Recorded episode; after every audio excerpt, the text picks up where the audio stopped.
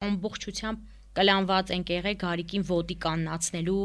այդ երազանքով, նպատակով։ Մարդիկ պատրաստ են տարապել, իրենց երեխաների բերանից բարիզ բուն իմաստով կտրել, բայց հանկարծ չբողոքել։ Դե, ուրեմն արդար է այս ամեն ինչը։ Ես եկա այն եզրակացության, ուրեմն բնությունը չի պատրաստել տղամարդկանց այդ հարվածներին։ Իսկ մարդուն ի՞նչ է պետք, որ ինքը իհան պետքա կանզգա, էլի։ Զբաղված մամա ունենալը շատ լավ բան է երեխեքի համար։ Ես այն միշտ ասել եմ, չկա տենց մի բան, որ դու անես, ու ես քո կողքին չլինեմ։ Երեխուս խփել են։ Ծեծել են։ Նվաստացրել են բոլորի աչքի առաջ։ Ինչ անի, ասի, արի մի հատ զրուցենք դրա մասին։ Հետո երբ որ մեզ տարան ոստիկանություն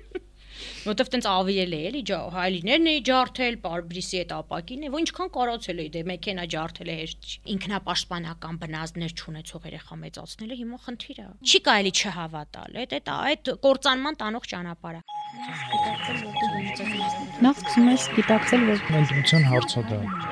ամենակարևորը երեխաների հետ ունենալն է։ Պատմի, ինձ շատ հետաքրքիր։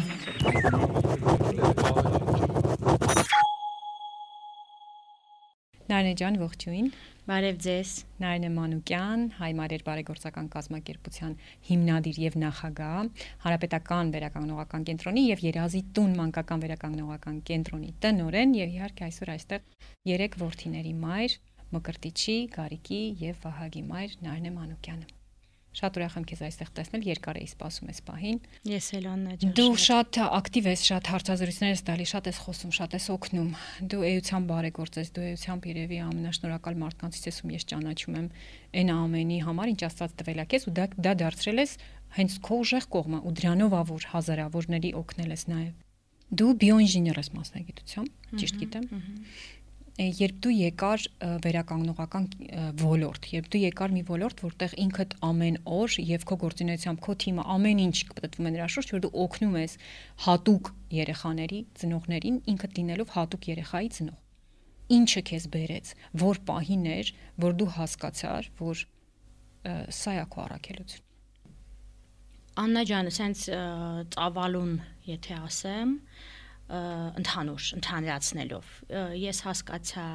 իմ առաքելության մասին դեռ մի քիչ ոնց որ ենթագիտակցորեն երբ ընկալեցի որ ունենալով հոկեբան մանկավարժի մագիստրոսի կոչում եւ բիոտեխնոլոգի մանկավարժ մագիստրոսի կոչում ես չեմ կարողանալու աշխատել ժամից ժամ Ես քեզ ասեմ, ես խառնվածքով էլ ժամից ժամ աշխատող չեմ։ Ինձ համար դա շատ դժվար է, ինձ դժվար է տրվում, անգամ եթե դա շատ պետք է։ Ես պիտի ունենամ ազատություն ամեն ինչի մեջ, սկսած անձնական հարաբերություններից, վերջացած աշխատանքով, այսինքն հենց որ փորձում են իմ ազատությունը սահմանափակել, ես սկսում եմ ընդվզել դա նաև դրան է վերաբերվում բայց գարիկը երբ նոր ծնվեց եւ արդեն տարբեր երկրներում եղանք ամուսնուս հետ եւ այլն արդեն պատկերացրինք մեզ ինչ է սպասվում, այսինքն հստակ ախտորոշումը, չնայած 3 տարեկանում են դնում այդ ախտորոշումը, բայց Ֆրանսիայում բան մեզ ասեցին, որ դա մանկական ուղեղային կաթված է, հենաշարժողական ֆունկցիան ամբողջովին վնասված է, SSS պրոգնոզները կան։ Դե լիարժեք ոչ ոք չի կարող ասել, թե ուղեղի հետ գործ ունեն, գիտես։ Ես այդ պահից սկսած հասկացա, որ բան չուն, փաստորեն ես պարապ եմ մնալու պետական համալսարանի մեր ֆակուլտետից կենսաբանության ֆակուլտետից ունեի որոշակի տենց հերանեկարային դասախոս դառնալու ինչ որ հնարավորություն, որը ես շատ սիրում էի, ինչ որ մի պահ ոչ պետական համալսարանում էկոլոգիա դասավանդել եմ եւ շատ լավ իմ մոտ ստացվել իդեպ դպրոցում չէ որտեղ մենք երրորդ կուրսում ունեինք երրորդում թե չորրորդում չեմ հիշում, պրակտիկ աշխատանք դպրոցներում ես չկարողացա հետաքրքիր Ես բնույթով մանկավարժ չեմ, այ անկեղծ ասեմ։ Ոչ բժիշկ, ոչ մանկավարժ։ Բայց երիտասարդների հետ հեշտ էր երևի։ Հա, երիտասարդներին ես տալու բանն էի, ինձ իրանց հետ հետաքրքիր էր, իրենց ինձ հետ հետաքրքիր էր։ Այսինքն այդ ադդաչան կար եւ ես ինձ այդտեղ շատ տենց ոնց որ հարմարավետ էի զգում ու ես տենց պատկերացրեցի որ վերջ ես իմ երեխայի կցորդն եմ դառնալու որովհետև դա 24 ժամի աշխատանք էր այդ ժամանակ, այն սկզբնական, միջև մի տարեկանն եմ ասում։ Հետո ես ու ամուսինս մեկնեցինք Փարիզ, տենց վերջնական դիագնոստիկան անելու այդտեղի այդ Necker նեյրո մանկաբուժական շատ հայտնի հիվանդանոցում։ Եվ դա այդ ամեն ինչը կազմակերպեց մեր լավ ընկերներից մեկը Մարկարը, որը այնտեղ տենց շատ հայտնի բժիշկ է եւ ես միշտ հպարտանում եմ տենց հայերով որ ոչ հիվանդանոցը ոչ բժշկական կաբինետը մտել ենք իրանով սենց հիացել են ու նենց են մեզ ընդունել, որ ես հենց ուղակի ասեմ, դասի Ֆրանսիան շատ ուժեղ Հա։ հայեր կան, բժիշկներ։ Ու ես երբ որ խոսում էի ոնց որ փորձառությունից այս ոլորտում, այսինքն ինչ եմ ման գալիս, ինչ եմ փնտրում, ինչ եմ ուզում եւ այլն, ինքը ասեց նան, ինչ որ մի բայ ասեց, ես քեզ խորհուրդ կտամ, որ դու համել մի քիչ քեզ ուրիշ տեղ շեղելու զուտ համար ասեց որտեվ դու շատ էներգիչնի մարդ ես ու ափսոս է որ քո այդ էներգիան ինչ որ sense պարբվի տնային պայմաններում էլի ասես դու պատկերացնում ես հիմա կողքերդ նայ ես բժիշկներին բան որ մենք գնացինք ասեց էներգիայի պակաս կա աշխարհում ու ասեց ես կարծում եմ որ դու պիտի այս ամեն ինչը օգտագործես իշա հայ հասարակության Դες հենց ընդհանուր ինչ որ բաներ ասեց էլի հա խելոք տղա է ինչքան էլ որ բայց դե ասեցի օրինակ ինչ ես պատկերացնում ասեց սենց սենց քո նման մամաներին հավաքիր ասեց մեր մոտ Ֆրանսիայում շատ ուժեղ են ծնողական կազմակերպություններ եթե ասեց սովորական իրավապաշտպան հասարակական կազմակերպության ձայնը կարող է լսվել շատ բարձ ծնողապաշ ծնողական կազմակերպությունների Ձայնը լսվում է շատ ավելի բարձր, որովհետև այդ խնդիրը կրող մարդիկ են եւ ոչինչ մեզ համար առանց մեզ սկզբունքով առաջնորդող մարդիկ են։ Ասի բայց Հայաստանը մի քիչ ուրիշ բանի մասին է, ասաց «Դե- դե հա, բայց ընդհանուր գաղափարի մեջ հաստատ վնաս չես տա, էլի, հաստատ օգուտ կտաս։ Դու էլ բանկ սովորես իրանցից ավելի փորձառու մամաներից, դու ավելի քիչ փորձառուներին ինչ որ բանով կօգնես։ Տենց եկա մի խոսքով դա մարդներ։ Գարիկը դեհել է լրիվ փոքրիկ, մայրիկս նոր էր մահացել ինսուլտից, sense ահավոր շրջան էր։ Ես հիմա որ հետ եմ նայում, ասում 26 տարեկան ջահել կին է էլի, ոնց կարա անցնի այդ ամեն ինչի մեջով ու հələ մի հատ էլ մտածի ուրիշ մարդկանց բարօրության մասին, այսինքն ուրիշ մարդիկ այդ պահին նկատում եմ իմ ընտանիքի անդամներ։ Ես անդադ մտածում եմ papas չկոտրվի, քույրիկս կամ ասենք մեծ որդիս եւ այլն։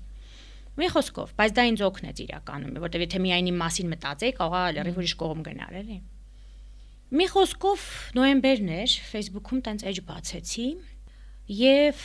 սկսեցի գործունեությունս տենց զուտ Facebook-յան էջից, հետո շատ արագ, գիտես, ես հավատում եմ դրան, որ լինելու բանը պիտի լինի։ Այսինքն եթե դու ունես առաքելություն, որի համար եկել ես աշխարհ, ես չեմ ուզում էլի այտենց ինչ որ ուռացնեմ իմ արածը, բայց փոքր դա բաներ առաքելությունը, առաքելություն, փոքրն էլ հա, առաքելություն։ Հետո Ամեն մենք մարդ ունի իրենը։ չենք կարա չափենք ինչն է փոքր Հենց ինչ այդ, չէ։ Մեկի համար փոքր մի բանն էլ ահռելի մի բան է։ Եթե դու ունես առաքելություն, որի համար եկել ես աշխարհ, հանգամանքները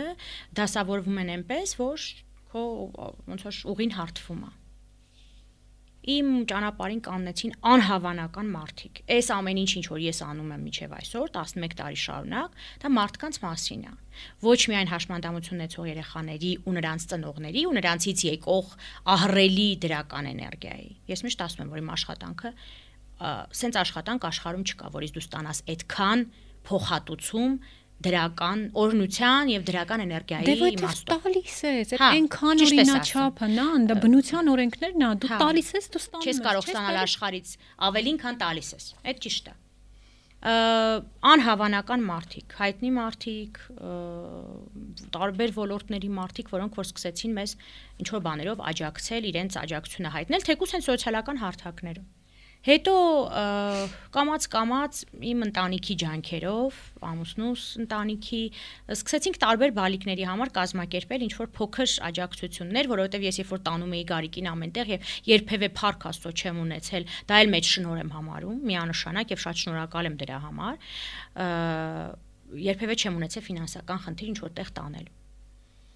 ես տեսնում եմ որ ծնողները սենց ուղակի, այսինքն այս ամիս բերում են երեխան ունի առաջընթաց, ինչ որ ասենք թերապիայի արդյունքում եւ իրենք մյուս ամիս չեն կարող գալ, որտեվ դե չեն կարող։ Ես իհարկե տենց փորձում էի օգնել, տեղում հարցը լուծում էի մարզիչների հետ եւ այլն եւ այլն եւ դրանից ինձ զգում էի անհավանական լավ։ Հետո Վահանը, որը միշտ եղել է ինձ ամենալավը զգացող մարդը,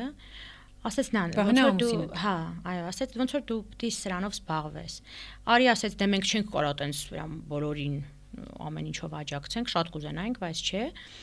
ասեց միգուցե փորձես ինչ որ տենց ինստիտուցիոնալ բանի բերել էլի հարթակի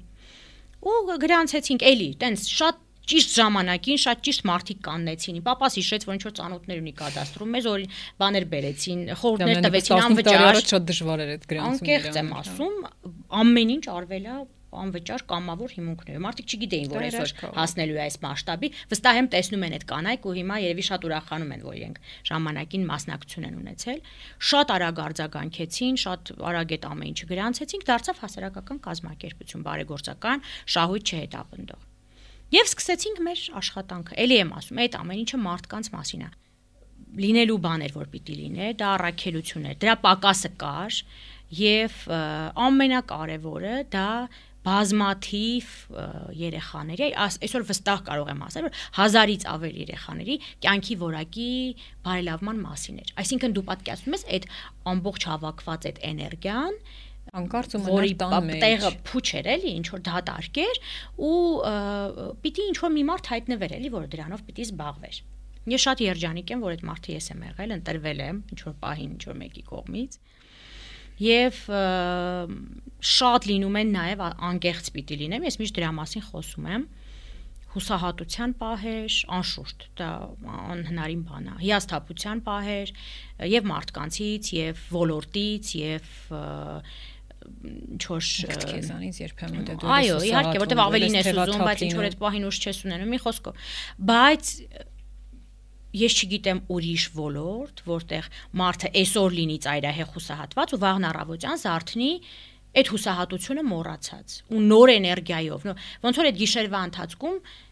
ցենց գլուխդ բացեն ու այնտեղ փոքրիկ տենց վինտիկները ձգձգեն որ առավոտից էլ բան չլինի էլի յուղեն բանան տենց ես տենց եմ ընկալում Շատ հետաքրքիր է այս ամբողջ պատմությունը։ Դու միակը չես, ես գիտեմ եւս առնվազն երկու հոյակապ կին, ովքեր հատուկ երեխա ունենալուց հետո էլի իրենց նվիրել են, դու վստահ եմ իրենց էլ կճանաչես, իրենց նվիրել են ուղղակի իրենք հասկացել են, որ իրենք ինչ որ մի բան պիտի անեն այդ երեխեքի նման ընտանիքների ու այդ երեխեքի համար։ Մեր ոդկասթի գործընկերն է Իդրամ ընկերությունը։ Մինչև 16 տարեկանների համար նախատեսված Իդրամ Junior հավելվածը ձեր երեխայի առաջին ֆինանսական ընկերն է։ Երեխաները փոքրուց սովորում են ոչ միայն ծախսել, ճիշտ խնայել եւ հասնել նպատակներին, այլ նաեւ բարեգործել, որտեղ նրանց ամեն վճարման դիմաց մի դրամիկ ուղղվում է մի դրամի ուժը նախաձեռնությանը։ Իդրամ Junior-ով երեխաները կարող են վճարել բոլոր այն կետերում, որտեղ կան Իդրամի տարբերանշանները, ընդհանրապես սկանավորելով QR կոդը։ Իսկ ծնողները կարող են այս ամենը վերահսկել իրենց Իդրամ հավելվածով, որովհետև գումարը փոխանցելու են Իդրամից երեխայի Իդրամին եւ իրենց Իդրամ հավելվածում տեսնեն երեխայի բոլոր գործարքները։ Հավելվածը հասանելի է էկրանի QR կոդով եւ ոդկասթի նկարագրության մեջ տրված հատուկ հղումով։ Կա մի հատ հարց, որ ուզում եմ հետդ խոսեմ, ինչու են հայրերը գնում այդ երեխեքից։ Ինչու են շատ հաճախ, դա շատ հաճախ է լինում։ շատ հաճախ շատ Երեխան երբ ծնվում է ոչ նման մյուսներին,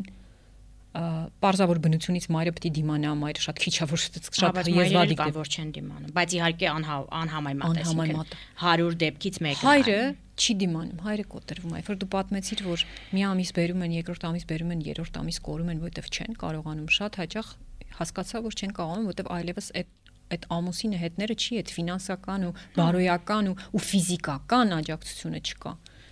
Ինչ է Տես կատարվում։ Աննա ջան, Հայաստանում շատ դժվար է իսկապես ունենալ հաշմանդամություն ունեցող երեխա, որովհետև ես վերջերս գնացել էի Մոնակոյում Ամապեի կենտրոն կա, շատ հայտնի, որը բացել է էլի ժամանակին հաշմանդամություն ունեցող երեխայի մայր, հիմա չկա այդ կինը, բայց եղել է այդ մոնեգասկներից մեկի կինը, մի խոսքով շատ հայտնի ընտանիք է բժիշկների հրաշալի կազմակերպություններ եւ անկախ ինձանից են որ դե զուգահեռներ ես էլի անցկացնում չկա զուգահեռ որ ես կարող եի անցկացնել այն պայմանների որ ես չեմ համեմատում Մոնակոն Հայաստանի հետ կարող ենք վերցնել Ֆրանսիան կարող ենք քաղաքակիրթ երկրների մասին եմ խոսում մենք մեզ դիրքավորում ենք որպես քաղաքակիրթ բայց այս ոլորտում մենք չգիտեմ անտակորը, չէ՞ նարնե, տպավորությունը, Հա։ որ մոտ Չէ կամք չկա հարցերը լուծելու ուղղակի։ Ես Բայց տես եմ ում պատկերացնում, որ լինի կամք։ այն նրանից, որ իշխանությունից ու պետությունից ու այդ ամբողջը այդ այդ շլեյֆը կա, հա, այդ այդ բողոքը, այդ այդ գանգատը, գուցե ծնողներից չկա։ Նույն կրթության մեջ, եթե կրթության ասեմ բողոքում ենք, որտեղ ծնողին Ես քեզ ասեմ մի բան, ես վերջերս ավելի եմ մեր ծնողներին դա ասում, որ դուք հավասար մեղսակիցներ եք։ Ինչու՞։ հա։ Որովհետև 2 տարի առաջ էր ոնց որ երբ որ պետ պատվերը կրճատվեց եւ դարավ երկու անգամ, այսինքն 6 ամիսը մեկ, մեկ ամսով ա տրվում պետական պատվերով վերականողական բուժում։ մի 10 ծնող ընդվզեցին, գնացին առողջապահության նախարարություն, բողոքեցին։ Բարև վերջը մարեց այդ ալիքը։ Հիմա ես ինձ դնում եմ պատասխանատու անձի փոխարեն, որը ես չեմ, այսինքն որ պատկերացնեմ, որ դա ինչ անհրաժեշտություն է, այդ սա դնում եմ մի կողմ։ Ինքը իր տանը չունի հաշմանդամ երեխա, կողաշրջապատում էլ չունի, այսինքն մարդ է ինչ որ որը որ բանա, չինովնիկ էլի տեսավ որ հա մի քիչ մի 10 հոգի բողոքեցին, հազարների մեջ 10 հոգի, ու մարեց դե այդ մարդն էլ ասում է Հե ուրեմն պետք չի։ Դրա համար եմ ասում, ներքևից վերև պիտի փոփոխություններ Աննա ջան, տես մեր կոնկրետ հանրապետական վերականողական կենտրոնի մասին եմ ասում, որը ունի ի տարբերություն երազի տների գիշերային ստացիոնար բաժանմունք, որտեղ մնում են 30 տարի շարունակ այդ կենտրոնը ամենահինն է ու ամենամեծը, մասշտաբային է ամենը։ Երեխաներ բոլոր մարզերից, ոչ վաղանցյալում, նաև Արցախից։ Տես, մարդիկ երրորդ անգամ բերելու համար իրենց երեխային վերականողական բուժման վարկ են վերցնում գրավ դնելով իրենց խարխլված տները, ոսկեղենը, չգիտեմ, ինչ որ ունեն։ Այսինքն այդ ծնողը նախընտրում է վերցնել վարկ եւ 1 տարի շարունակ իր կծկտուր եկամուտից մուծել այդ 25-30 հազար դրամ ամսեկան, քան բողոքի ձայն բարձրացնում։ Քան ինչ որ, հա, ինչ որ կազմակերպված։ Մտնում են իմ մոտ, իմանալով, որ ես ինչ որ մի լուծում կգտնեմ, ինչ որ հովանավոր կգտնեմ։ Երբ որ ես իսկապես այդ պահին, մանավանդ տարվա վերջում, sense մի հատ փակուղային վիճակ է ստեղծվում։ Ասում եմ, իսկապես ոչ մի ձև չունեմ օգնելու, ասում են, դե լավ, այն որ սպասում ես կասեն, հեսա ես կգնամ, կբողոքեմ կամ գոնե թեժգից կզանգեմ, կասեմ, որ ես կարիք ունեմ, ինձ մի բանով օգնեք, մարդա, չէ՞ վերջը։ Դե լավ ասում են, այնե ջան, ինչ անենք, վարկ կվերցնենք Այսինքն մարդիկ պատրաստ են տարապել, իրենց երեխաների բերանից բարիս բուն իմաստով կտրել, բայց հանկարծ չբողոքել։ Դե, ուրեմն արդար է այս ամեն ինչը։ Ես վերջերս սկսել եմ դա իրենց ասել։ Ժողովուրդ ջան, մի պահանջեք, որ ձեր մտքերը կարդան Դուք պիտի բարձրաձայնեք, որ այդ մարդիկ էլ հասկանան ու խնդիր կա։ Ով ուզում է լինի։ Ըստ որում ոչ մի օր, իրանք պիտի հետևողական բարձրաձայնեն, հա։ պիտի բոլորով Սայլակների որակը վատնա, որը որ տրվում է։ Է գնացեք, ասեք, որ այդ մարդիկ իմանան։ Եթե այդ մարդիկ ունենան 100 արձագանք, որ այդ սայլակները մանավանդ մարզերի համայնքներում արագ շարքից դուրս են գալիս եւ այլ, է միգուցե կփոխեն այդ բերողին կամ մի այլ ընտրանք կառաջար կամ գոնե կիմանան, որ խնդիր կա։ Այնքան եմ ուզում, որ այդ չլինի, էլի, որ մենք սաղս անմեղ զոհենք, իսկ այն այնտեղ վերևներում նստած հրեշներ են։ Իրականում էլի կարող ենք այդ տեսանկյունից ամեն հարց էլ դիտարկել, բայց դա անմիջապես մեզ ազատում է պատասխանատվություն։ Իհարկե, բա մենք էլ մեր ազգի բնորոշ շատ ված գիծ է այդ, որ հա, մենք հա։ ամեն ինչ փորձում ենք անել, գտնել մեղավորներ, մեղքը բարդ է վերջացնել։ Հայրերի մասով, դե տես, սկսեցի նրանից, որ Հայաստանում բարդ է հաշմանդամություն ունեցող երեխաների եւ նրանց ընտանիքների կյանքը ես չեմ ես իմ բնույթով տենց բան չեմ ֆեմինիստ չեմ էլի որ տենց ասեմ ծայրահեղական անշուշտ կանանց ես կատարյալ մանավանդ մայրացած կանանց մեծ մասին կատարյալ էակներ եմ համարում բայց տղամարդիկ թույլ են այս հարցում այսինքն այդ մարտահրավերը որոնք իրենց պիտի կրեն ամբողջ կյանքում դա ին փաստորեն 90 տոկոսի համար ոչ համատեղա իրանց ուժերի հետ անհամատեղելի է։ Այսինքն իրանք հենց որ գիտակցում են, որ չէ, ես երեխան ասենք ամբողջ կյանքում լինելու է սայլակին, իսկ այդպեսիք շատ են, հիմնական ծանր երեխա։ Իհարկե կան թեթև երեխեքին էլ քող, այսինքն մարդը եթե պոտենցիալ ունի դրա, հետո շատ սենց տարբեր օղակներ կա, մեծ ցեփա։ Հիվանդանոցից սկսած կարող են ասել ծննդատնից, որ օ, գիտեք, ձեր երեխան տենց վատ պիտակավորում նաև չեմ ուզում հիմա դրանք կրկնել բայց այդ ծնողը արդեն ինֆորմացիայի պակաս չունենալով իսկ 99% ընտանիքների խնդրին առնչվում են նորա սկսում Այո, ինքը տեղյակ չի, պատրաստ ինֆորմացվել։ Մեծ մասը տենց կա 15 տարեկան երեխեք ունեն, չիմանան, նույնիսկ չկարողանան ճիշտ ասել բան ախտորոշումը չկա հոգեբանական ծառայություն, որը օրինակ այդ տղամարդկանց կանանց հետ, այդ ընտանիքի հետ աշխատի։ Սկսում են փոխադարձ մեղադրանքներ, դու ես մեղավոր, ես եմ մեղավոր, այ որ դու ես պահին ես դեղը խմեիր կամ ես վիտամինը չխմեիր կամ ես մի խոսքով այն ամենացածրորակ էժանագին վիճակներից միջև անգամ շատ կիրթ ընտանիքներում լինում են այդ բաները։ Օրինաչափություն չկա անկեղծ։ Այսինքն ես չեմ կարող դա կապել միայն տգիտության հետ։ Չէ։ Կամ ասենք սոցիալապես անապահով խաղ։ Բացարձակ, մենք ունենք ընտանիքներ, որտեղ կան 5-6 երեխաներ, 1-2-ը խնդրով, բայց papan, օրինակ մենք մամային տալիս ենք մասնագիտություն, papan սկսում է խնամել երեխեքին, որ մաման գնա աշխատի, որտեվ ինքը չի կարողացել կամ իր աշխատանքը բանվորական ենթադրենք արժեքը 2-3000 դրամ է, մաման ավելի շատ է աշխատում իր արհեստով, ինքը իրենք իրանց մեջ որոշում են, բայց այդ մարդիկ անբեից չեն տարբերված, կը գերգրագետ չեն, որ նստեն ինչ որ տենց վերլուծեն, բան։ Չէ, բարձ հաշվարկ են անում, տեսնում են որն է ավելի էս պահին իրենց համար, այսինքն դա մի քիչ բնազդային բան է, էլի։ Ուղղակի երևի կան Ես եկան եզրակացիա, ուրեմն բնությունը չի պատրաստել տղամարդկանց այդ հարվածներին, այդ այդ ներդրմանը, այդ ջանքերին որ իրանք հանկարծ մի քանի հանգամանքներ էլի ինֆորմացիայի պակաս, պետական աջակցության պակաս, պետական աջակցության պակաս, այսինքն այդ մարդը գիտի, որ ինքը կցորդ է դառնում։ Նույնն էլ կինը, կանայք 99%-ը պատկերացնում են տենց, որ վերջ, ինչ մասնագետ ուզում է սեղի։ Դու դառնում ես կցորդ։ Մենք երբ որ սկսեցինք մասնագիտություն տալ մայրերին, 6-7 տարի առաջ ես իմ ամենասիրելի ծրագիրն է, իմ, իմ համար ամենակարևոր գործն է, որ ես անում եմ։ Անշուշտ կարևոր է երեխեքի վերականողական բուժումը։ Արդեն 6-7 կա որ անում եք։ հա։ Իսկ 20-20-ից հետո ավելի Հարյուրավոր կանանց արդեն տվել ենք։ Չէ, դե 20-20-ից հետո տենց շեշտը դրեցինք Արցախի վրա, այդ Ադրուտի Շուշի կանանց վրա, որոնք էլ հետ վերադառնալու տեղ չունեին։ Հետո հիմա շարունակում ենք ելի մեր մայրերի հետ ու նաև արդեն իրենց եկածների այդ ընտանիքները իմ աչքի առաջ վերածնվում են հետաքրքիր բան ասեմ քեզ այդ կանայք որ սկսում են աշխատել գիտես ինչ անհավանական խանդոտ ամուսինների ենք կարողացել համոզել որ թողեն կանայք աշխատեն եւ հիմա իրենք ասենք կարող ինչ որ տղա ունենք օրինակ որ իր գործը թողել է եւ առաքումով է զբաղվում իր կնոջ հետ այսինքն իր կարածը առաքում է կամ բան շատ-շատ լավ պատմություններ ունենք եւ իմ համար sense հոգուց համար ամենամոտ ծրագիրը է դա էլի ես շատ եմ սիրում այդ ծրագիրը դեռ մարդկային կյանքեր են փոխում հա իսկ կանայք հանկարծ հասկանում են որ իրանք բացի երեխա պահողի դերից ու հա, դիրքից կցորդից դառնում այլ հնարավորություններ ու այդ սեփական արժանապատվության շատ զգացողություն ունես արագ այդ տրանսֆորմացիան տեղի ունենում աչքի տարած դու սենց մի երկու շաբաթ հետո տեսնում ես լրիվ ուրիշ մարդ որը հավատացել է իր ուժերին որը իսկ մարդուն ինչ է պետք որ ինքը իրան պետքա կան զգա էլի ու ոչ միայն ընտանիքում ռեալիզացված զգա իրան ինքնաբավ զգա էլի կարողանա ամեն հարցով կցորդ չլինել համ երեխայի մայր համ տան կցորդ որպես տնտեսուհի համ էլ տղամարդու կցորդ որպես ֆինանսական անընդհատ ամեն փոքր բանի համար գումար խնդրող էլ ամեն տղամարդ մի ձև է դրան, չէ, արձագանքում մեկը հնարավորություն կա չկա, մեկը կտա, մյուսը կհարցնի, կհաշվի, իրանք դառնում են լրիվ ուրիշ sense ազատություն են ձեռք բերում ու վատ իմաստով չէ այսինքն այդ ազատությունը այսքան ժամանակ մեր դեպքում հələ ոչ մի անգամ չի վերածվել ընտանիքի քանդման կամ ինչ որ հա։ հակառակը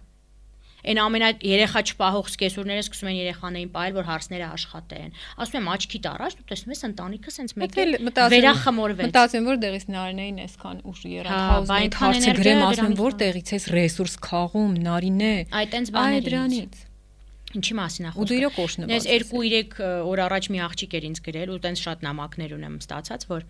Արցախցի, որ ասում է գնացի 20 թվականից հետո գնացի ասում Ստավրոպոլ ձե դուք մասնագիտություն ինձ տվեցիք, բան, ընտանիքս վերցրեցի դե հողագործ էին ասում ծնողներս, գնացինք Ստավրոպոլ ինչ որ աշխատելու համար, բան, ես սկսեցի մատնահարդարում անել, ոդքի կաննեցինք, հայրիկիս համար, չգիտեմ, կոշկակարի գործիքներ գնեցինք, սկսեց աշխատել, ասում են այնե ջան, հիմա ես 3 ամսով հետ եմ գալիս, սալոնը փակում եմ, հետ եմ գալիս, ինձ 10 կին տվեք Արցախից տեղահանված, ես գալիս եմ իրան սովորացնեմ անվճար ու գործիքները նվեր եմ առնելու։ Ես այդ գումարը վաստակ եմ։ Բարության շղթան։ Դու պատկերացրու։ Դա շղթա է։ Անում ես, բաժանում ես, գցում ես ջուրը։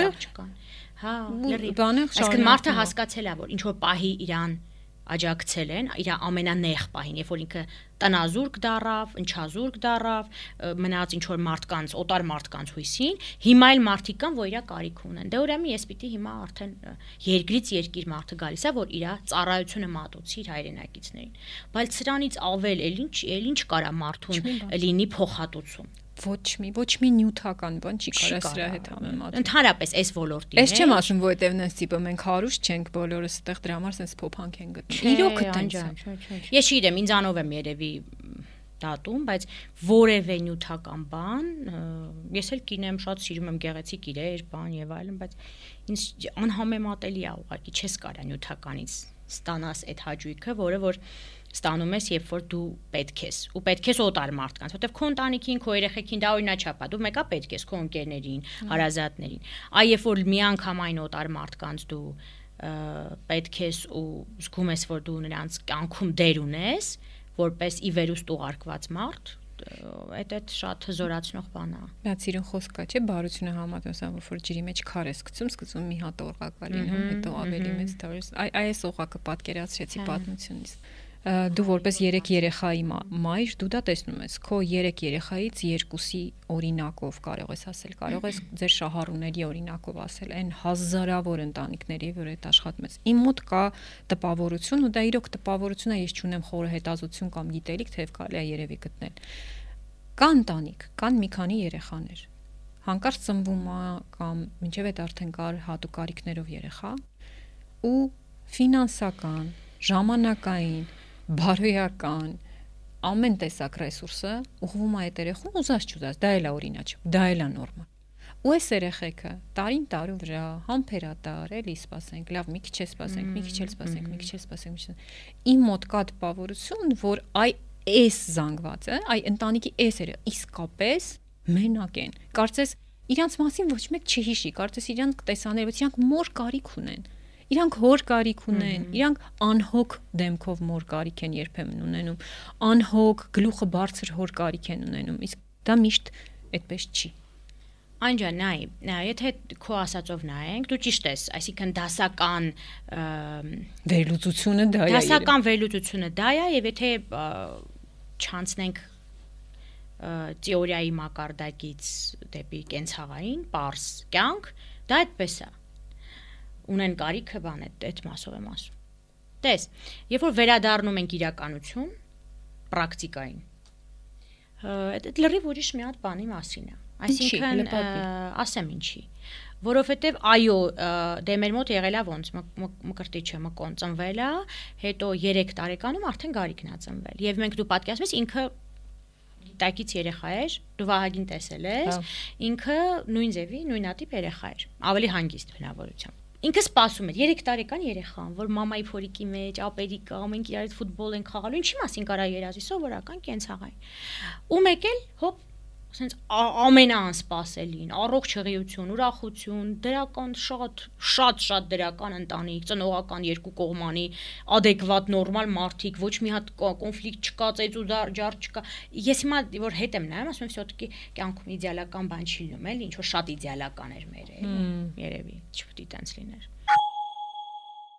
Մեր ոդկասթի գործընկերն է InSport մարզառողջարանային համալիրը։ Որքան արդյունավետ եք դուք ցանկանում կազմակերպել ձեր ժամանակը եւ երեխաներինը։ InSport-ն առաջարկում է զբաղվել սպորտով, լողալ ջրի մաքրման գերժամանակակից ֆիլտրում անցնող լողավազանում, մասնակցել խմբային եւ յոգայի մարզումներին, այցելել ուժային եւ կարդիո մարզասրահներ եւ այլն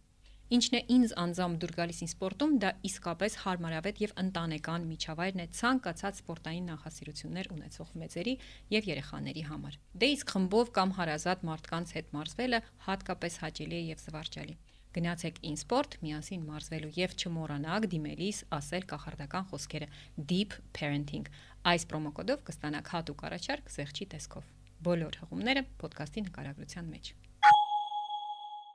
Մենք ուղակի ինչ որ մի պահ դենգանք այդ հորձանուտի մեջ, այդ վարար գետի մեջ, այդ ցեխաջրերով, սենց ես նույնիսկ այդ վիդեոդում տենց երազներ էի տեսնում, որ անապ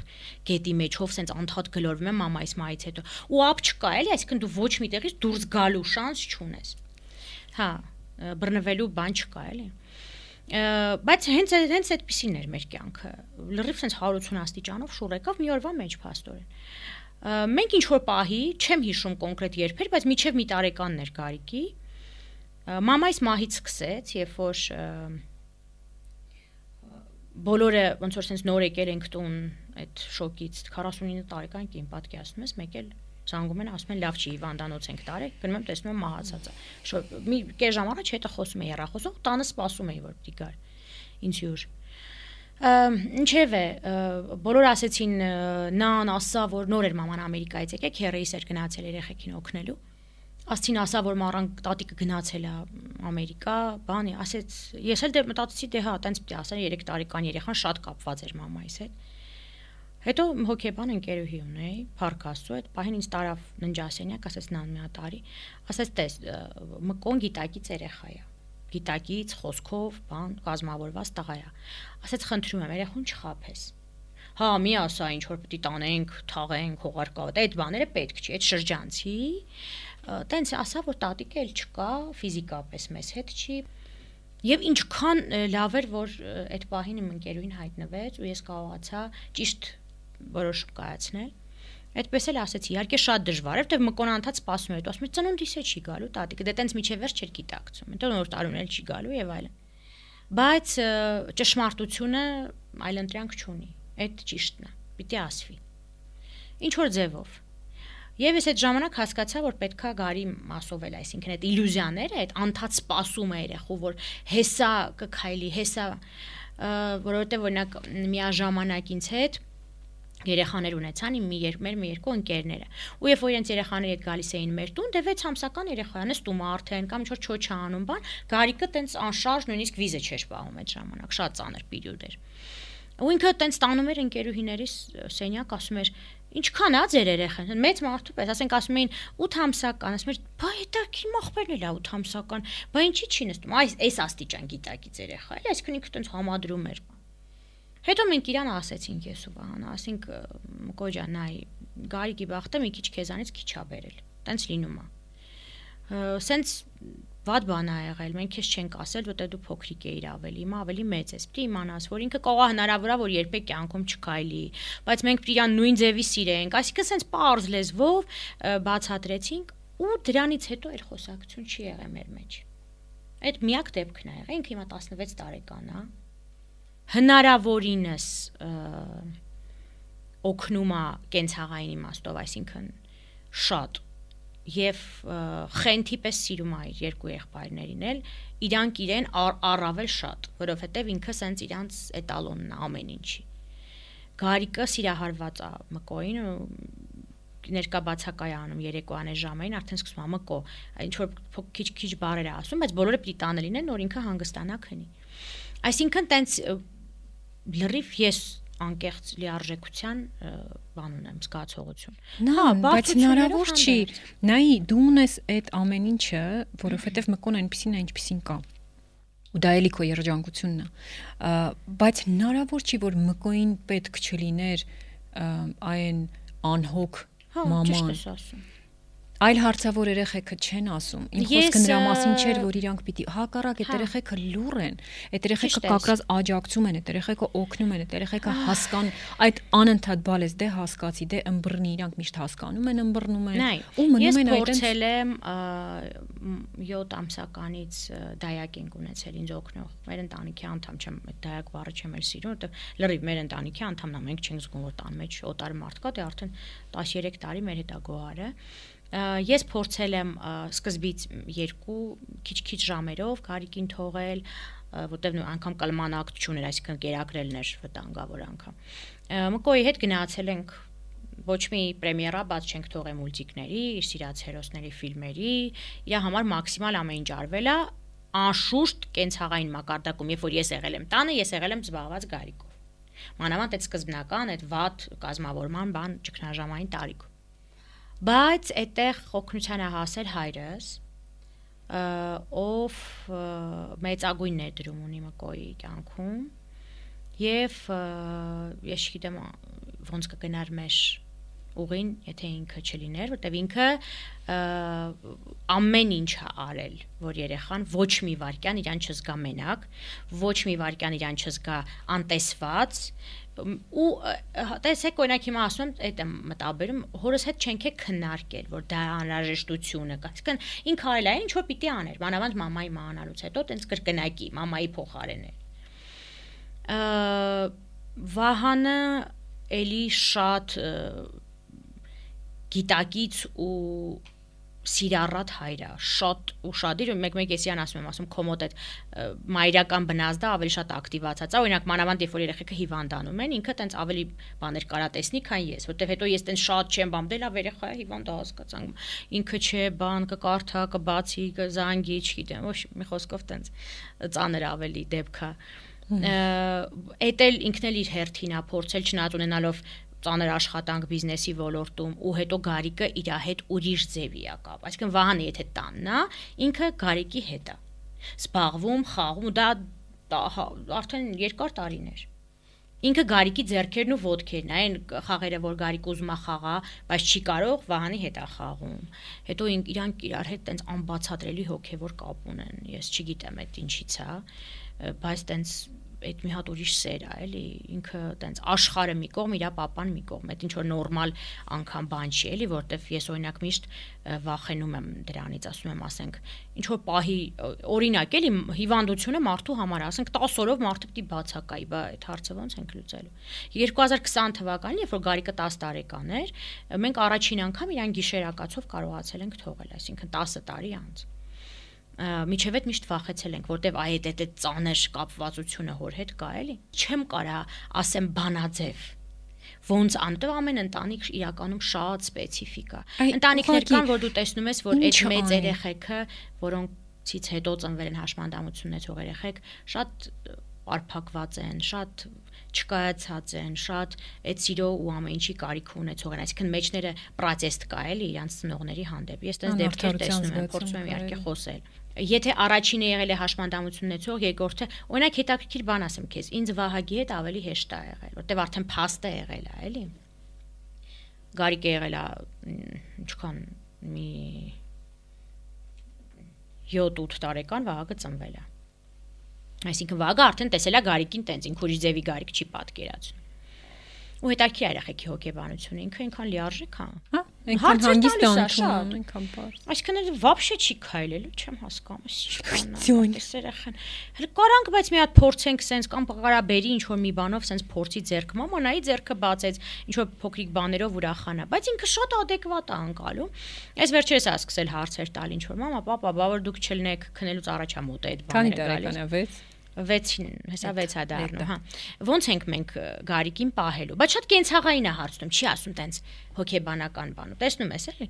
Մենք է ասում ենք, սենց եք անելու, սենց եք լրիվ բացատրում ենք։ Ասում եմ դե դե ամա դուք երկուսդ եք տեսնում ես դու մը կոնեկտ, մենակ չես։ Ինչ որ ձև կլուծեք, էլի, բայց ինքը չի պատկերացնում, որ հանգարց գարիկը կարող է իրանց հետ չլինի, ինչ որ ուրիշ տեղ լինի, բան։ Այսինքն ինքը զուտ հարցնում է, ոնց շափած օրերը ոնց են կիսելու, քանի օրի մոտ ալինելու, քանի հենց չոտքի ասեք իմանա։ Շատ բան է, հա, տեն շատ մարդու կա, շատ պրակտիկ, հա, բայց նաև շատ զգացմունքային երեխա է տենց մի տեսակ ոնց ասեմ քեզ սուտ կլինի էլի որ ասեմ այ մենք տենց խորացել ենք ժամանակ ու բան չենք ունեցել տենց ամբողջությամբ կլանված ենք եղել Գարիկին ոտի կաննացնելու այդ երազանքով, նպատակով, հետո ինչ որ պահից թափվեցինք, հասկացանք, որ դա այդքան էլ իրատեսական չի ու ավելի հանգստացանք։ Մեր ոդկասթի գործընկերն է Libra հոգեբանական աջակցության կենտրոնը։ Մենք առողջ պետք է լինենք ոչ միայն ֆիզիկապես, այլ նաև հոգեպես։ Մենք չենք կարող լինել լիարժեք եւ արդյունավետ մարդ, ծնող, աշխատակից, ընկեր, եթե մեր հոգեվիճակը կայուն չէ, եթե հույզերն ու մտքերը խառնված են, եթե չկա տրամադրություն կամ ուժ գործելու, նախաձեռնելու, արարելու, եթե առօրյա պարտականություններն այլևս անտանելի են։ Եթե դժվար է մենակ հաղթահարել խնդիրը, պետք է դիմել մասնագետի օգնության։ Հոգեբանը այն մասնագետն է, ով կարող է եւ միշտ պատրաստ է օգնել ցանկացած հարցով, ցանկացած խնդրի դեպքում։ Լիբրայի հասցեն Կոմիտաս 12 հոկեբաններն աշխատում են նաև արցանց։ Կարևոր ինֆորմացիան ոդքասթի նկարագրության մեջ։ Կա մի բան, որ worth-իներիդ ար, արկելում ես եւ ինչն է որ իրանց լրիվ թույլ ես տալիս անել։ Այ եթե խոսենք արկելքներից ու թույլտվություններից։ Արի կոնկրետ, հենց տղա երեխաներին։ Ես քեզ ասեմ մի հատ շատ հետաքրքիր բան, մկոնել գահակնել էմոցիոնալ մակարդակ այդ հուզական մակարդակով շատ նման են ինձ Վահանը ավելի հանգիստ, հավասարակշռված, զուսպ։ Իրանք մի քիչ ավելի նման են։ Ну մկոն ավելի նման է Վահանին, քան Վահակ, Վահագը լրիվ տենց ինձ նման է։ զբաղված մամա ունենալը շատ լավ բան է երեխեքի համար։ Եվ ես համարում եմ, որ կյանքի համար էլ հետագայում, որովհետև այդ անիմաստ այդ կենտրոնացումը մանրուքների վրա բան դու ֆիզիկապես չես հասցնում։ Ես իրենց արկելում եմ, արկելում եմ չէ, ոչ ման չեմ արկելում Այսինքն չեմ ասում, այդ այդ տենց պսիխոզի հասնող բաներ չունենք, էլի ես դրեք ես վերցրի, մանավանդ Վահագին։ Դե 30 տարեկանից հետո լրիվ ուրիշ կերպ ես ընկալում մայրություն ասվածը, լրիվ ուրիշ էմոցիաներ են, լրիվ ուրիշ զգացողություններ են, հա, 22 տար 23 տարեկանում ա ծնվել Մկոն, Վահագը ծնվել է 33 տարի։ Դա լրիվ տարբեր մարդիկ էին այդ երեխեքին ունեցողները։ Ես ուղակի շատ հստակ գծում եմ իրանց համար սահմաններ, ինչ ինչն է անբարոյական, ինչն է սխալ ինձ համար։ Ցույց տալով իմ օրինակով շատ խնդիրներ են ունեցել այդ արժեքային իմաստով, երեխան տանը լսում է ինչ որ մի բան, դրսում լսում է լրիվ ուրիշ բան, բակում լսում մի անգամ մի անգամային այլ բան եւ պետք է իրան բացատրել ուղակի։ Մենք արժեքային իմաստով հայրենիք, ընտանիք, աշխարհընկալում ընդհանուր առմամբ այդ թեմաներով շատ խոսում ենք ու հստակ մեր սահմանները, մեր կարմիր գծերը իրան բացատրում ենք։ Վահագին էլ բայց որ ասեմ արկելում ենք ինչ որպես բան չեմ կարա մտաբերեմ։ Իմ համար ամենավատ բանը, որ կարամ ես լսեմ ու հուզվեմ, Օրինակ որ դպրոցից ինչ որ բողոքներ են լինում, չէ՞, մեծ տղայիս հետ ասենք մի 6-րդ 7-րդ դասամ անդադ կար այդ վարքային խնդիրներ, բան չարա էս դա այնա բան, տենց մի քիչ այնպեսի դպրոց էր, որ իրանք ավելի ստանդարտ երեխեք են ուզում, էլի, ինձ կառավարվող։ Մկոն մի քիչ ավելի Կամեն պիտակավորում են, եթե մի քիչ են։ Հենց այդ։ Ես մենակ մի բան էի իրան ասում, ասում եմ խնդրում եմ միակ բանը, որից որ ես պի գլուխս կախեմ ու ամաչեմ, դա այնա, որ ես իմանամ դու որևէ աղջկա կամ որևէ կնոջ ուսուցչուհու բան վիրավորել ես կամ կոպտել ես կամ քեզ մնացածը խնդիր չի։ Այսինքն այդ գնահատականը բարձր ստացավ, ցածր ստացավ։ Այսինքն հարգանքը կնոջ նկատմամբ շատ կարևոր է։ իմ համար շատ կարևոր։ Մի բան կա ուսուցչի նկատմամբ։ Բայց ինքը ունեցել է կոնֆլիկտներ տնորենի հետ էլ, փոխտնորենի, ուսուցիչների բայց ունեցել է շատ արդարության բանով այսինքն ես չեմ ասում ինքը ճիշտ է ես ասում եմ անարդար բանել է որ անարդար է դու խոսում ես իր արժեքներից դու կարողացել ես արդարության հա, արժեքը հենց դնել այդ մարդուն քննարկել հենց այդ կարող է մի քիչ իր տեսանկյունից դե ամեն մարդ մի ձևի է էմոցիոնալ է քննարկել դա իրանց դուր չի եկել ես համարում եմ որ դա իրենց մանկավարժա հոգեբանական կոլեկտիվի պարտություններ, որտեվ եթե դուք ունեք այդքան ստաֆ, որի համար մենք վճարում ենք մի համալսարանի գումար ու դուք չեք կարողանում մի 12-13 տարեկան երեխային բերել ձեր դաշտ ու ասում եք լիդերա ինքը որպես պիտակավորում բացասական, ես այդ պահին ասի ստոպ, Ժորժ ջան, այստեղ մեր խոսակցությունը վերջացավ մարդիկ փեշով փող են ծախսում, որ իրancs երեխան երեխաները առաջնորդների բաներ սոյեն, ինչ առաջնորդներ ծնվում են, չեն դառնում։ Ինչքան ուզում ես տրեյնինգների գնա։ Իմ իմացած առաջնորդները հայկական իրականության մեջ եմ ասում, չեմ խոսում պետական քաղաքական դեմքերի մասին, ոչ։ Այն մարդկանց, ում ես առաջնորդ եմ համարում, իրանք ընդհանրապես առաջնորդի կրթություն չունեն, ունեն մեկը բժշկական կրթություն, մյուսը բիզնես կրթություն, այսինքն, բայց այդ մարդը իր բնույթով է, իր խառնվածքով է առաջնորդ։ Ասում եմ դուք, այսինքն լիդերստվան որակում եք որպես խնդիր, դե ուրեմն վերջացավ ստեղ մեր խոսակցությունը։ Այսինքն մեծ հաշվով դու ճունես արգելքներ, դու փոխանցում ես այն արժե համակարգը, որ ձեր ընտանիքում շատ կարևոր է, Եվ նաև այն իմ երկրորդ հարցը, որ իսկ ինչ թույլտվություններ է, ամեն թույլտվություն կա, եթե ինքը մնում է այդ այդ արժեքների սահմանների մեջ։ Չկա գրածունակ, սա ես քեզ արգելում եմ, սա չէ, տենց բաներ չկա։ Տեսի, այդքան էլ կենցաղային չի։ Իմ հարցը ավելի ուղղված է Հա, ես հասկացա, դրա համար վերաբերմունքը աշխարհին, վերաբերմունքը վերաբերմունքը մեծերին։ Հա, չէ։ Հետո մկոն օրինակ գիտի, որ ինքը ցանկացած բան մեր հետ կարա քննարկի շատ կարևոր բան ես ասում։ Երեխան ունի թույլտվություն, հա քաջալերում մենակ ճիշտ է ասի ու չթաքցի որ արի խոսա եթե ունես վահանը տղա տղամարդկային իմաստով է իր համար բաց շատ ծնող ես էլ բացին այնից որ միշտ ինքը գիտի որ ես իր մեջքին կանած եմ որպես մամա եւ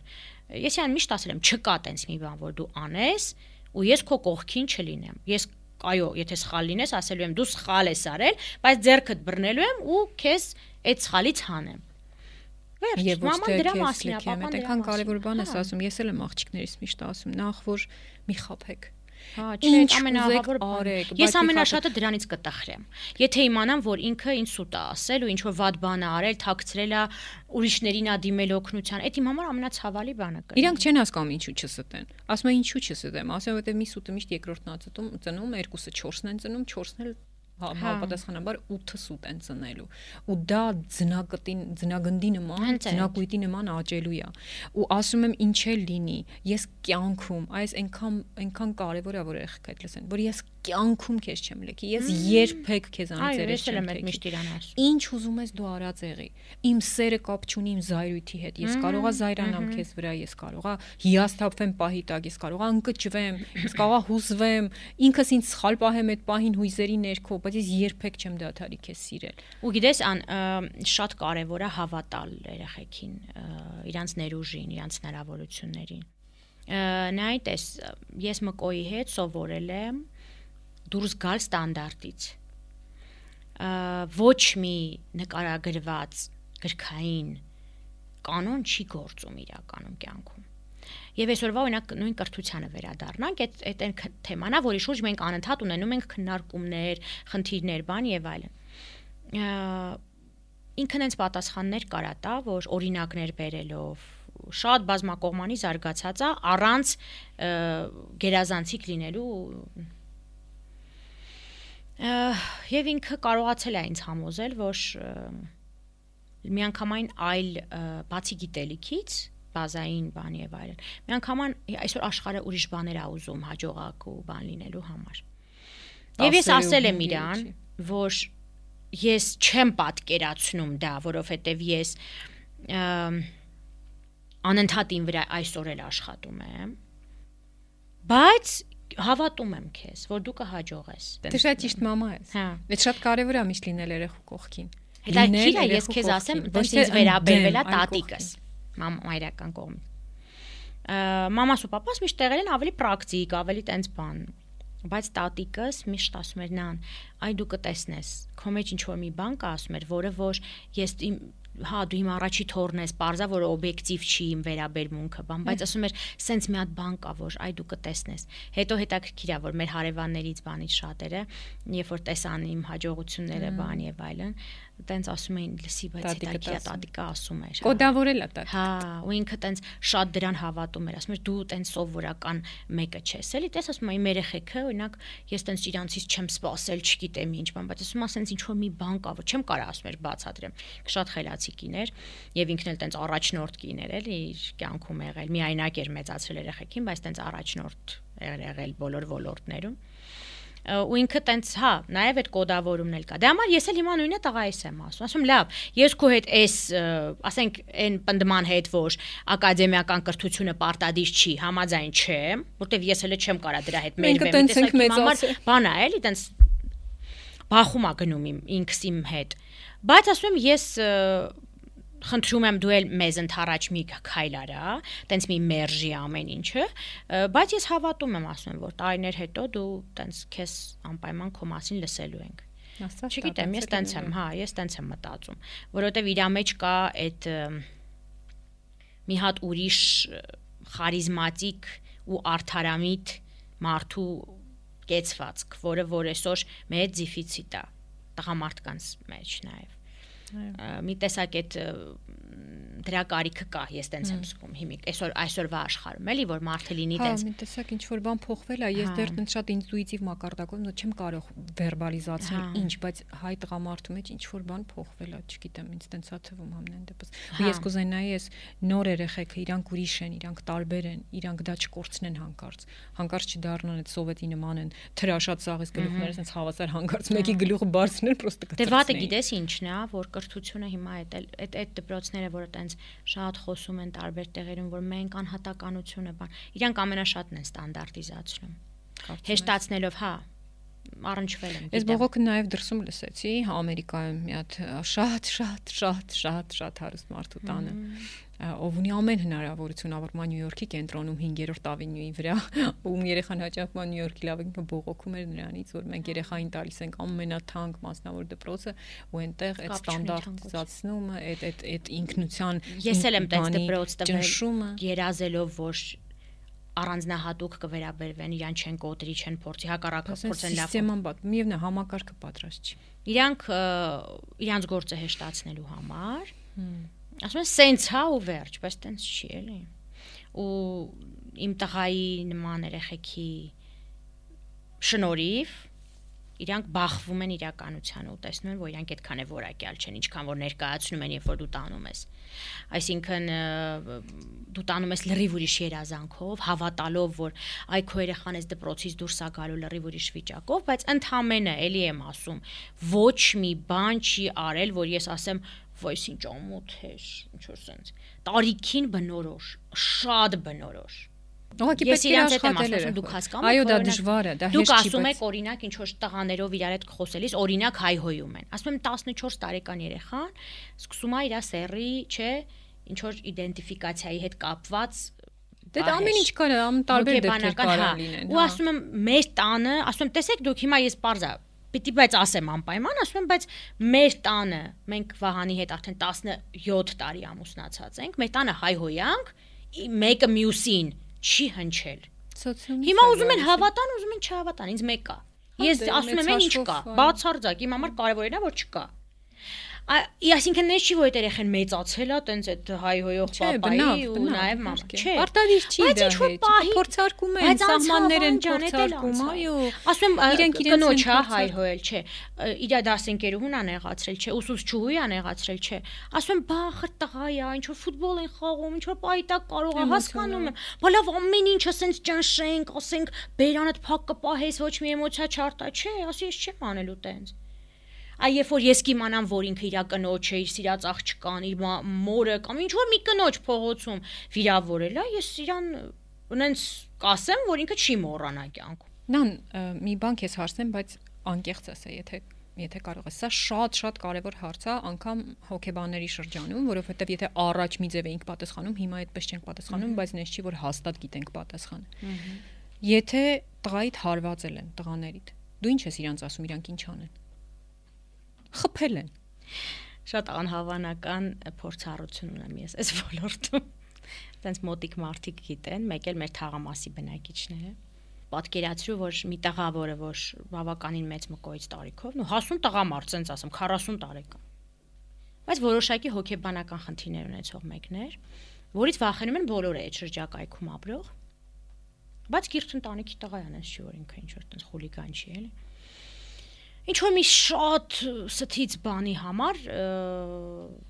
շատ անարթարացիորեն տենց հարվածել էր տղա, այս դե փոքրիկ էր եղել մկոնհելը, թե չէ հիմա ես տենց չէի խառնվի, որտեվ ինքը իր պատասխանը կտար։ Ու երբ որ ես իմացա դրա մասին, ոնց որ երեխան պատմում էր այդ սա, այդտեղ էին նաև հայրիկս եւ ամուսինս, ու միջև որ ինքը կվերջացնեն պատմությունը, որ հասկանայինք ինչ ա եղել, ես դե դուրս եկա բակ ու մեծ քարով որ տենց ձերքից տակ ընկավ, դե առաջի հարկի մեր դիմացի շենքի էլի ոնց որ մերը սեփական է, յանց շենք ջարդեցի այդ մարդկանց մեքենան, որը կաննած էր կողքից, ես գիտեի, որ այդ իրանց մեքենա քարը վերցրեցի, գոռացի, որ դուրս գան, որ parzենք։ Տեսա, որ չէ, արձագանք չկա, ասի լավ։ Ասի դուք համարցակվել եք, գիտես այդ րոպեին բացարձակ ոստիկանությունով, բանով չես պատկերացնում ինչ պատմություն ա դարձել։ Ու դե հետո մեր կամերաներով որ նայում էինք իմ այդ հարցակվելու բանը այդ տղայի վրա թե ոնց դե, ես ինձ լրիվ կորցրել էի ինքնատիրապետումս աֆեկտի տակ բայց հետաքրքիր է հետո երբ որ մեզ տարան ոստիկանություն որտեվ տենց ավիրել է էլի հայլիներն էի ջարդել բարբրիսի այդ ապակին է որ ինչքան կարոցել էի դե մեքենա ջարդել է հեշտ չի բանը եւ այդ քննիչները ասեցին, բայց տենց մի գրեք էլ, դե ճիշտը պատմում եմ, ինչ եղել է, այս ոչ ամաչում եմ, ոչ նեղում եմ։ Ասին, բայց տենց ճիշտա որ տենց գրեք, ձեզ պատասխանատվությանը գույք եք բան փչացրել, որ 40 տարեկան է, հարվածի 10 տարեկան է։ Ինչ եք անելու, կանելու եք, նայեք ոնց է, այդ էր մնում պակաս։ Չկա տենց բան։ Ուղղակի մարիական Ունես բնազդ հազիվ համոզեցին, որ մի քիչ ուրիշ ձևի տենց ձևակերպենք, որ տենց ինչ որ էմոցիոնալ պահ եղե, բան որ գոնե ինչ որ տենց շատ լուրջ հոդված բանի տակ չընկնեմ, էլի։ Ու տենց բոլորը դրա մասին խոսում էին։ Բայց դու ինչ ես կարծում։ Լավ, քո կարծիքը ո՞րն է։ Հիմա Վահագնել է մեծանում։ բոլոր իմ ճանաչած բոլոր հայ տղամարդիկ ասում են, բալես խփել են, դուր գլուխը ջարդի։ Էս խեղճ հոգեբաններով, բա ինչ անենք, բա ոնց ասենք, ասում ենք դե պետքա բացատրել, որ մուշտին մուշտիով պատասխանել, մուշտին պետք չի, որ խփելը իր հետևանքներ, խփելուն խփելով պատասխանելով մենակ խորացնում, պետքա խոսել բլա բլա։ Մայրը հարց է տալի կամ հայրը հարց ասում է, լավ, երեխուս խփել են։ Ծեծել են նվաստացրել են բոլորի աչքի առաջ։ Ինչ անի, ասի, արի մի հատ զրուցենք դրա մասին։ Աննայի, մենք տես հետաքրքիր բան ասի։ Մեր իմ փորձառությունը ասեմ առանց խառնվ ընդհանրացնելու։ Մենք երբեք մկոյին չենք ասել, որ խփենք, խփես կամ որ խփում ինքը մի տեսակ փոքր ժամանակվանից տես տղամարդու կա եղել ու հիմա էլ տենց տենց նորմալ կարքին տղա է էլի։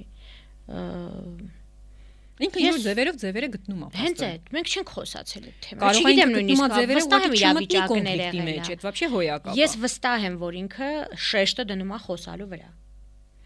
որտեվ ինքը ունի նաև այդ հմտությունը հաղորդակցվելու բայց իսկապես չգիտեմ այդ այդ ճիշտ ասել է այնքան դե ես քեզ ասում եմ իրավիճակ երբ որ ես լինելով կիրթ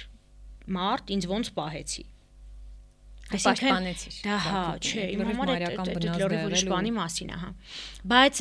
կապ չունի, էլի որ sense կողքից կարող ասեն այ քեզ բան այդ ինչ գնայր, մեղադրեիր, խոսեիր, բացատրեիր, չգիտեմ ինչ բան։ Չէ, իմ համար այդ րոպեին ինչ ինչ բացատրես այդ մարդը։ Այնքան, երբ որ ծնողը ասում է, որ քեզ խփում են երկու անգամ ավել խփի, դուր գլուխը ջարդի։ Չէ, չէ, չէ, դա Աստված, մտածում լավ, այդ մարդը հասկանում է դրա պատասխանատվությունը, որ երեխուն դա ասում է, բայց ծնողն էլ ինձ հարցում է, ինչ այլ ընտրանք ես տալիս։ Երբ որ մի տգետ Հա, ախմախ անձնավորություն քո երեխուն խփել է ինչ անի այնտեղ այսինքն դու ինչ սովորեցնես երեխային լինել կիրթ ծայրահեղ անկիրթ միջավայրում դա չի աշխատի բա ոնց պաշտպանի իրան չի լինի չի աշխատելու ասա բարդ հարց շատ բարդ է եւ ես կարծում եմ որ ուղակի պետքա մեծացնել պինդ տղերք տղերքի դեպքում եմ ասում դե աղջիկների դեպքում ինձ թվում ավելի քիչ է բանը այդ աղջիկները ավելի ճկուն են կհասկանան ինչ անեն ուղակի պինդ նորմալ տղերքա պետք մեծացնել, որ իրանք կարողանան այդ պահին, բայց ոչ թե ասելով տուր ջարդի փշրի բան, մենք ունենք տենց մի հարևան, ով որ իր տղային տենց մեծացել, հետո հազար ու մի փորձանքների մեջ ընկավ այդ երեխեն ու միջև այսօր ինքը իրան չի գտնում, չնայած արդեն երևի իմ տարիքի է որովհետև իր papan անդադ ասում էր տենց տուր ջարդի ավիրի դու խնդրեմ չունես, բայց խնդրեմ ունեն բոլորը մի հատ հաստ հետո գերանի ես ուղակի հանդիպում քեզանից ավելի մեծ մասշտաբի, որը որ վերջնականապես քեզ ոնց որ հունի բանից հանում է վիճակից։ Այսինքն չի կարելի տենց ասել տու ջարդի փշրի բան։ Ես դրան դեմ եմ, բայց ինքնապաշտպանական բնազդներ չունեցող երեխա մեծացնելը հիմա խնդիր է։ Որտեվ ես քեզ ասեմ, որ մանավանդ վերջի 2-3 տարիների ընթացքում ես տեսնում եմ թե ինչքան ավելի ագրեսիվ է դառել մեր հասարակությունը։ Հա, այս այս ամեն ինչին հələ որ դիմացանքել է դել մեծ բան։ 10 տարիներով մաս։ Այսինքն մենք հիմա տեսելի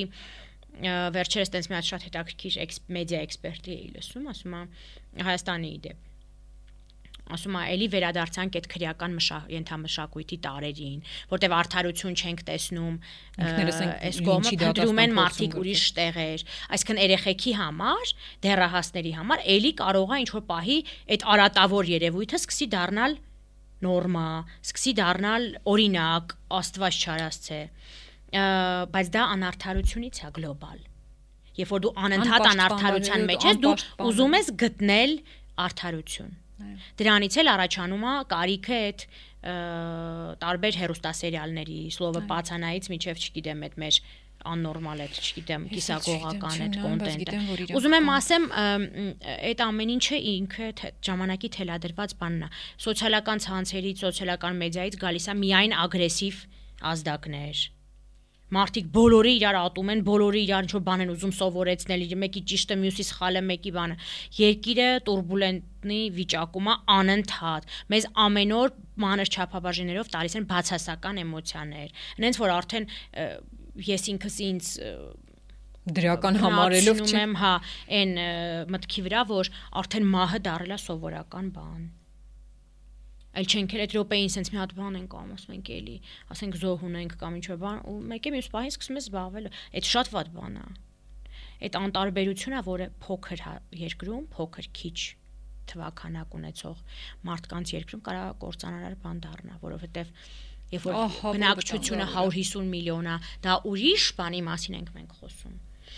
կամ 200 կամ միլիարդ, բայց երբ որ դա մի խումբ մարդկանց մասին է իրականում։ մի գյուղ, մի գյուղ, միջինական գյուղ։ Եթե չլինի ապրումակցումը իրար հանդեպ հոգատարությունը բանը։ Ես չգիտեմ։ Իհարկե ֆորս մաժորային իրավիճակներում մենք էլի տեսանք այս վերջերս, որ կարողանում ենք ինչ որ ինքնակազմակերպել։ Լսի շատ լավ բաներ են կանում։ Շատ։ Ուղղակի այդ ասել ենք, քեզ այդ ամենօրյա բացականի չափաբաժինը չի թողում մենք տեսնենք այն լուսավորը, որ կա։ Այն լուսավորը, որ կա, իրան պետքա նկատել ու դրանից է պետք կարճել։ Նան։ Դե մենք էլ ենք Դե- մեղավոր էլի, որ երևի դրա մասին ավելի քիչ ենք խոսում, քան չգիտեմ։ Ես փորձում եմ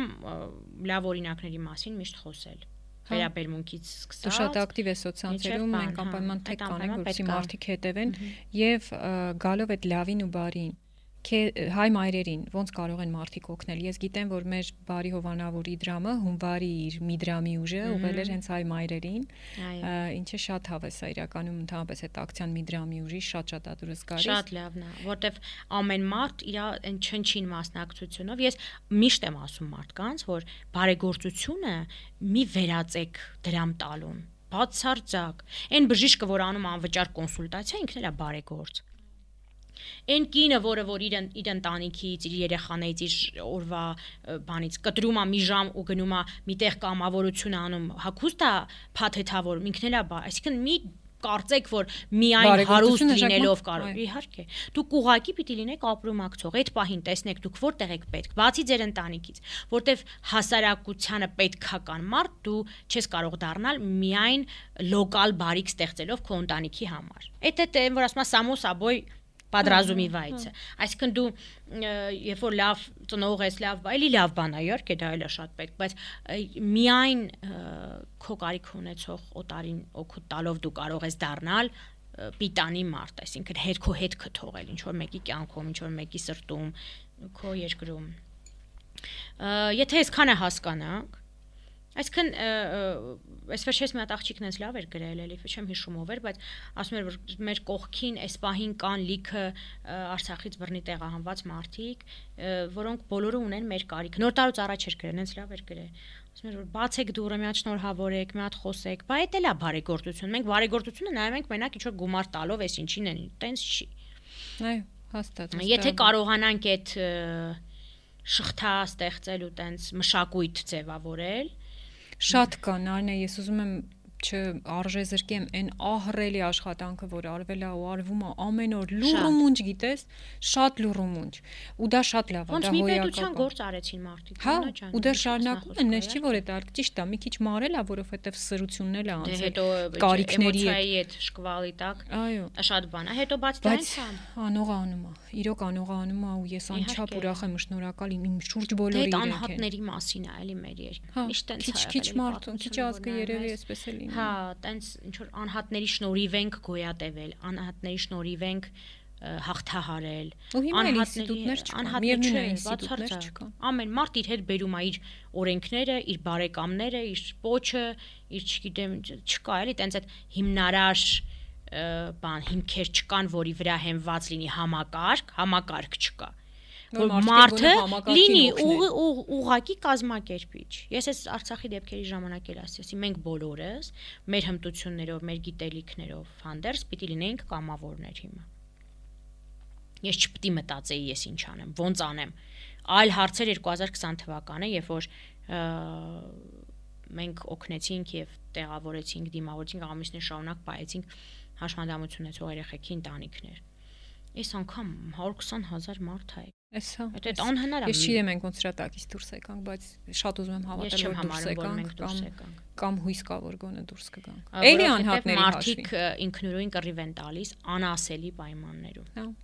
Անմարդկային։ այո։ Ա, Ես առնչվում եմ մարդկանց հետ տարվեր ը, ուղղակի հուսահատվել են չեն հավատում, որ ինչ որ տեղից չեն Սկզբում սպասում։ էին։ Փորձում են ինքնուրույն ինչ որ ձևով որոշ հարցեր լուծել, աշխատանք գտնել, ցանկացած աշխատանք անում են ի տարբերություն մեր շատ օրինակ մարզաբնակ մարդկանց։ Դու կտաս ինձ հղումներ ու մենք կտեղադրենք ոդքասթի նկարագրության մեջ, թե ոնց Հա, կարելի է։ օֆիցիալ հաշվեհամարներին ը, մենք շուտով մեր կայքը նորացնում ենք հիմա էլի կամավոր շատ լավ աղջիկների օգնությամբ կունենանք նաև այդ հարթակը, որտեղ կարելի է ուղակի միանալ ամսական նվիրատվություններով եւ ամբողջ տարին ոնց որ առանց քո անընդհատ ներգրաված լինելով, դա շատ լավ բան է, այո, շատ լավ փորձառություն է եւ վերջապես կարողանում ենք դրան գալ Շատ որտեվ շատ են մարդիկ ուզում մանավանդ արտասահմանից, որտեվ այնտեղ այդպես է արվում։ Տարվա սկզբում դու միանում ես ինչ որ է։ Էլ ամեն ամիս քեզ չես ծանրաբեռնում, որ վայ մոռացա, վայ բան եւ այլն, այսինքն շատ լավ է, հա։ Դե որ կտաս տես- հղումները։ Հա, Ապրես սիրով։ որ եկար Նարնե ջան։ Ես եմ շատ շնորհակալ եւ թող ձեր հաղորդումը հարատև լինի, լավ մարդիկ կան եւ թող շատ մարդ դիտի, որովհետեւ որակյալ կոնտենտի կարիք կա եւ ես մեղադրում եմ դրանով ոչ թե անորակ կոնտենտը ստեղծողներին, այլ այն մարդկանց, ովքեր կարող ունեն տալու բան ունեն ու չեն տալիս։ Հա։ Ալարում են, միջոցներ չեն գտնում, չեն բզբզում, չեն տնտղում։ Չեն հավատում, նա, Չեն հավատում։ Չի կարելի չհավատալ։ Այդ այդ այդ կործանման տանող ճանապարհ է։ Այո, Դու պիտի հավատաս, որ դու կարևոր ես։ Եթե դու մանավանդ բանական հոմո սապիենս ես։ Շնորհակալ եմ շատ։ Շնորհակալ եմ։ Նարնեն մի շատ հետաքրքիր թեմայի անդրադարձավ, որը կարևոր եմ համարում եւս մեկ անգամ շեշտել։ Երեխաներին մտերի մարդու կամ ցանկացած այլ կորստի մասին ինչքան անկեղծ խոսենք, ինչև ուր խոսենք։ Հոգեբանների մոտ այս թեման շատ-շատ կարևոր թեմա է համարվում, ինչու, որովհետև երեխային ստել ոչ մի բարագայում չի կարելի։ Մենք անգամ ունենք ձեռնարկ երեխան եւ մտերիմի կորուստը, որը հենց այն ձեռնարկների շարքում է, որը նվեր կստանաք, եթե ակտիվ կվերկեք այս ոդքասթի տակ որտեղ մանրամասն բացատրում ենք ինչպես, ինչ չափով կարելի է երեխայի հետ խոսել մտերիմի կորիստի մասին եւ ինչու է դա կարեւոր։ Ունենք նաեւ այս YouTube անալիքում, որ դուք մեզ հիմա դիտում եք, այդ մասին տեսանյութեր, վիդեոներ շատ շատ շատ եմ խնդրում անպայման գնացեք նայեք երեխային իրենց կյանքում անխուսափելիորեն կորուստներ լինելու են բայց ինչ եւ ինչպես իրենց մենք ասենք որpիսի հետո ամբողջ կյանքում ավելորտ սпасելիքներով այդ մարդիկ չսпасեն դա շատ կարեւոր է։ Անպայման դիտեք այդ վիդեոները։